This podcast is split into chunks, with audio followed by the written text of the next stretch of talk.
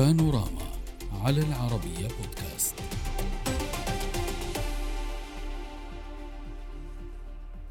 بين تحذير من فوضى مقبلة وتبشير بربيع مزهر جرت الانتخابات الرئاسية والبرلمانية في تركيا مستقبلان محتملان أمام المجتمع التركي الذي يوصف بأنه منقسم بشدة بين المتنافسين الأبرزين رجب طيب أردوغان وكمال دار أوغلو الانتخابات التركية تترافق بين طرفين لهما رؤى متناقضة. أردوغان يحذر أنصاره من احتمال دفع ما وصفه بالثمن الباهظ إذا تمكن منافسه العلماني كما وصفه من الفوز. فيما تعهد منافسه دار أوغلو بإجراء قطيعة مع إرث أردوغان إذا فاز بالانتخابات. دار أوغلو طرح نفسه كمحارب ضد الفساد المستشري منذ سنوات والمحسوبية التي وصلت بحسب قوله إلى أعلى هرم الدولة. وفي مقدمة تعهداته كذلك تحدث أردوغان على احترام دولة القانون والمؤسسات التي تضررت بميول أو دار أوغلو. تحدث عن ذلك والتي التي تضررت بميول أردوغان الاستبدادية كما وصفها. كما تعهد بالعودة إلى الديمقراطية البرلمانية وبإحداث تحول كبير في السياسة الخارجية لتركيا. أما أردوغان فيستند على إنجازاته التي يصفها بالعظيمة والتي أدت إلى تحديث تركيا مجددا الحديث عن نجاحاته بالازدهار وبالاقتصاد فضلا عن اتهاماته للمعارضة بأنها تتلقى أوامر من الغرب وأن ممثليها سيخضعون لرغبات الدول الغربية إذا تم انتخابهم دائما بحسب كلام أردوغان. نناقش كل هذا مع ضيوفنا من اسطنبول زاهد جول رئيس تحرير اندبندنت تركيا. أهلا بك. ومن اسطنبول كذلك طه عودة اوغلو الكاتب والمحلل السياسي. أهلا بكم ضيوفي الكرام. سأبدأ معك أستاذ زاهد. أستاذ زاهد قبل الدخول إلى تفاصيل الأرقام والأعداد ونحن نشير إلى أن أردوغان حتى الآن يتقدم على منافسه كليتشدار أوغلو بنسبة 52.12 فقط نحدث آه، قليلا لأن الأرقام 52 50.03 الآن. آه، ستبقى العين على هذه النسب ولكن سيد زاهد لماذا تعتبر هذه الانتخابات انتخابات مفصلية انتخابات استثنائية؟ ويقول البعض بأنها قادرة حتى على أن تغير وجه تركيا السياسي. إذا أردنا أن نجيب على هذا السؤال بطريقة واضحة صريحة وبسيطة ماذا نقول؟ ابتداء وانتهاء هذه نعم انتخابات ابتداء وانتهاء لكنها تأتي في إطار أو بمعنى الاستفتاء على اولا النظام السياسي التركي القائم. بمعنى آه، أننا نعلم أنه منذ خمس سنوات النظام المعمول به في تركيا هو النظام الرئاسي. ووعد المعارضة أنها تتحول إلى النظام البرلماني. بأسباب موضوعية بحسب رأيها وبحسب طرحها والإشكاليات التي نتج عن تطبيقات النظام الرئاسي. وبالتالي فوز المعارضة تعني بالضرورة ضرورة أن النظام الرئاسي لم يعد صالحا لتركيا وضرورة الانتقال إلى النظام البرلماني لأن الشارع التركي يرغب بهذا الأمر بحسب مفهوم هذا المفهوم وبالتالي من المؤكد أن وجه تركيا سيتغير فيه الشيء الكثير الأمر الآخر وبشكل سريع أيضا نعم. آه، أستطيع أن أؤكد أن المهلة الدستورية والقانونية للرئيس عندما تنتهي بعد أيام قبل أن يجدد له أو قبل أن ينتصر معارضه. آه، تنتهي معه ولاية أكثر من أو قريب من 1500 موظف حكومي من آه، الدرجات العليا. يعني ابتداء من رئيس المخابرات مرورا بسفراء الدول مرورا بالكثير من القطاعات الحيوية داخل آه، الدولة. وبالتالي هؤلاء إما أن يتم تعيينهم مرة أخرى بقرار رئاسي أو أن آه، آخرين سيحلون محل هؤلاء لأن ولايتهم أيضا تنتهي حسب النظام الرئاسي مع انتهاء رئاسة الرئيس وبالتالي آه، لا شك أننا إذا افترضنا أن فوز المعارضة وشيك أو أنه سيحدث هذا يعني أن تغيرا كبيرا في قيادة مؤسسات الدولة وتمثيلها في الخارج سيقع بالفعل خلال الأيام القادمة. وبالتالي لا شك أنه بالنسبة لتركيا تغير كبير سيقع نعم. خلال هذه الفترة. طيب خليني ألتقط من حضرتك. تفضل باختصار أنت كرمت تفضل.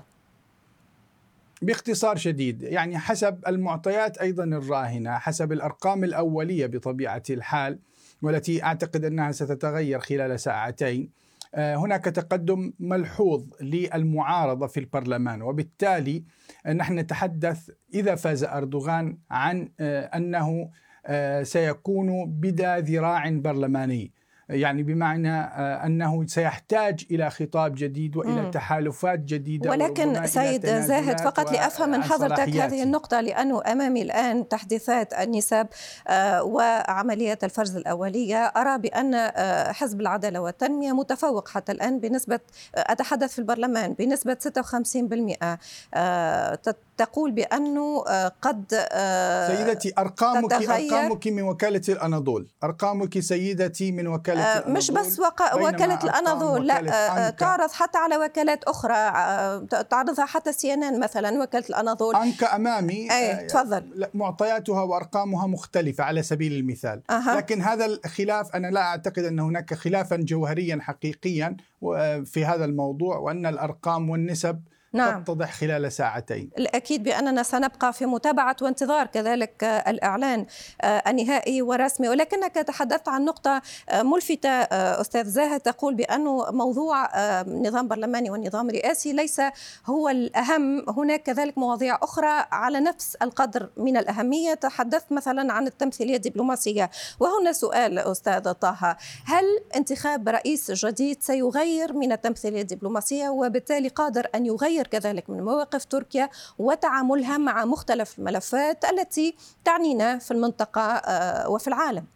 تحياتي للجميع في البداية. من دون شك يعني أعتقد في حال وصل السيد كمال كلشتار أولو إلى السلطة سوف تكون هناك سياسة مختلفة آه، تماما إن كانت على الصعيد الخارجي. وهذا ما لمح إليه خلال الفترة الماضية وخاصة في ما يتعلق بموضوع يعني تعامله مع الدول الإقليمية والدول العربية وأنه سوف يكون هو متجه نحو الشرق عفوا نحو الغرب.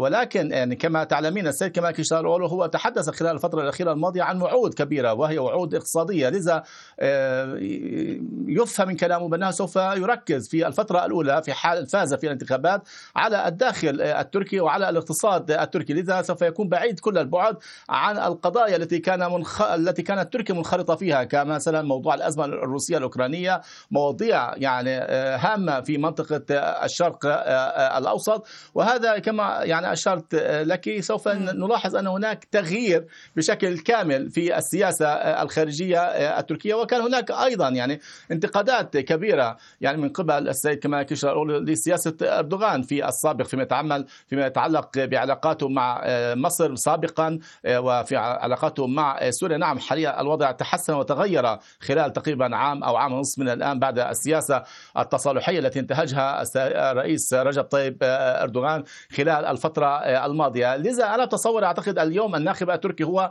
صوت إما الاستمرار مع نعم. أردوغان آه، لفترة آه، أخرى أو آه، لتركيا العلمانية التي يعني أسسها مصطفى كمال أتاتورك. وهناك وجه مختلف وجه جديد. وهنا أقصد فيه السيد كمال كليشتار أوغلو. والذي هو وعد يعني نعم المواطنين في الدرجة الأولى فيما يتعلق بالوضع الاقتصادي. كما تعلمين الوضع الاقتصادي هو كان العنوان الأبرز في كافة الحملات الانتخابية وهو الذي كما تعلمين أيضا عندما وصل الرئيس إردوغان إلى السلطة في عام 2002 هو دخل من بوابة الاقتصاد بعدما كانت حكومة بلانت اجويد مفلسة نعم. وطاحت بها الأزمة الاقتصادية جاء إردوغان حاليا هو يراهن ويعول على هذه النقطة من خلال بوابة الاقتصاد والأزمة الاقتصادية والسخط لدى شريحة كبيرة من الشباب وشريحة المترددين نعم. أيضا. طيب آه، بالعودة قليلا إلى الداخل التركي معك أستاذ زاهد. أردوغان آه، يروج لفكرة آه، تقديمه لتطور عظيم قدمه لتركيا طيلة 20 سنة من حياته السياسية. هناك حديث عن مجال الطاقة هناك حديث عن الغاز الطبيعي وحقول النفط هناك حديث عن محطة نووية تركية حديث عن أول سيارة كهربائية عن البنية التحتية هناك حديث عن في سنواته الأولى عن عن تراجع نسبة التضخم. كل هذا يقول أنصار أردوغان بأنه إن فاز فستكون هذه العوامل هي التي حفزت الناخب ليصوت له. هل تعتقد بأنه هذا سيفسد على المعارضة؟ كل هذا سيفشل المعارضة؟ يعني ابتداء وانتهاء كما تفضلت جزء كبير من هذه الإنجازات قد قدمت للشارع التركي والشعب التركي خلال 15 عاما أو 20 عاما ماضية. لكن منذ خمس سنوات تحديدا لا يمكن الحديث عن إنجازات كبيرة كما كان يحدث في السابق. بمعنى أن السيد أردوغان هذه ربما أول انتخابات يدخلها وقد تضاءل ونزل القوم الدخل القومي للفرد التركي. يعني في السابق كان هناك مقارنات ماذا أنجز أردوغان خلال خمس سنوات للمواطن التركي نعم. وكان المواطن التركي في الإطار العام يشعر براحة اقتصادية لكن هذه الانتخابات الأولى التي يعاني منها الشارع التركي عموما من أزمة اقتصادية لا زالت مستمرة منذ قرابة الثلاث سنوات. نحن نتحدث أن القيمة قيمة الليرة التركية فقدت من قيمتها قرابة السبعين بالمئة فقط خلال الفترة الوجيزة الماضية. وبالتالي التغيرات التي حدثت في البعد الاقتصادي هي كبيرة جدا. الأمر الآخر الزلزال وإدارة هذا الملف من قبل الحكومة أيضا كان مثار استياء إلى درجة أن السيد أردوغان تقبل عمليا أنه في بعض المدن على سبيل المثال أضيما كان هناك تقصير. من قبل مؤسسات الدولة. ولجأ قبل أيام إلى إقالة أو أجبر رئيس الهلال الأحمر بتقديم استقالته وقال أن تصرفاته ببيع الخيم التي هي يجب أن تقدم صحيح. كمساعدات اعترف بذلك. أمر مرفوض. نعم. مثل هذه التصرفات قد وقعت. أيضا إدارة أزمة كورونا خلال الخمس سنوات الماضية شابه الشيء الكثير من الانتقادات. نعم. اذا هناك عمليا في الواقع متغيرات حقيقية. الأمر الأخير بطبيعة الحال المعارضة خلال الخمسة عشر سنة الماضية أيضا كانت مشرذمة مبعثرة مشتتة كان هناك أكثر من حزب وأكثر من مرشح لكل حزب وبالتالي التنافس لم يكن مع فرد واحد وشخص واحد وجبهة واحدة كما هو الواقع فعليا الآن.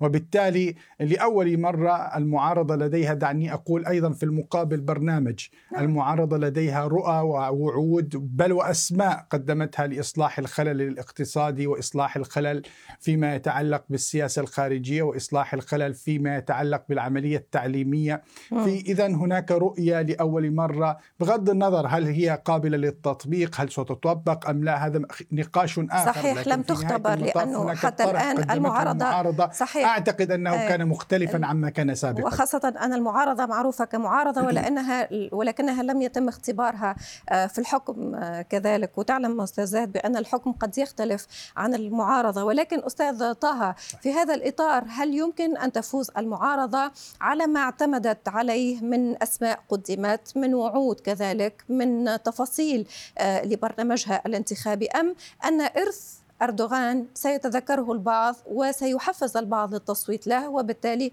سيرجح آه، كفة التقليدي يعني. يعني آه، يجب أن نعترف أن هناك حقيقة هناك حالة من الغضب والسخط لدى الشارع التركي خلال الفترة الأخيرة الماضية لدى سياسة آه، حزب العدالة والتنمية. وأقول حزب العدالة والتنمية الحزب الحاكم وليس الرئيس رجب طيب أردوغان.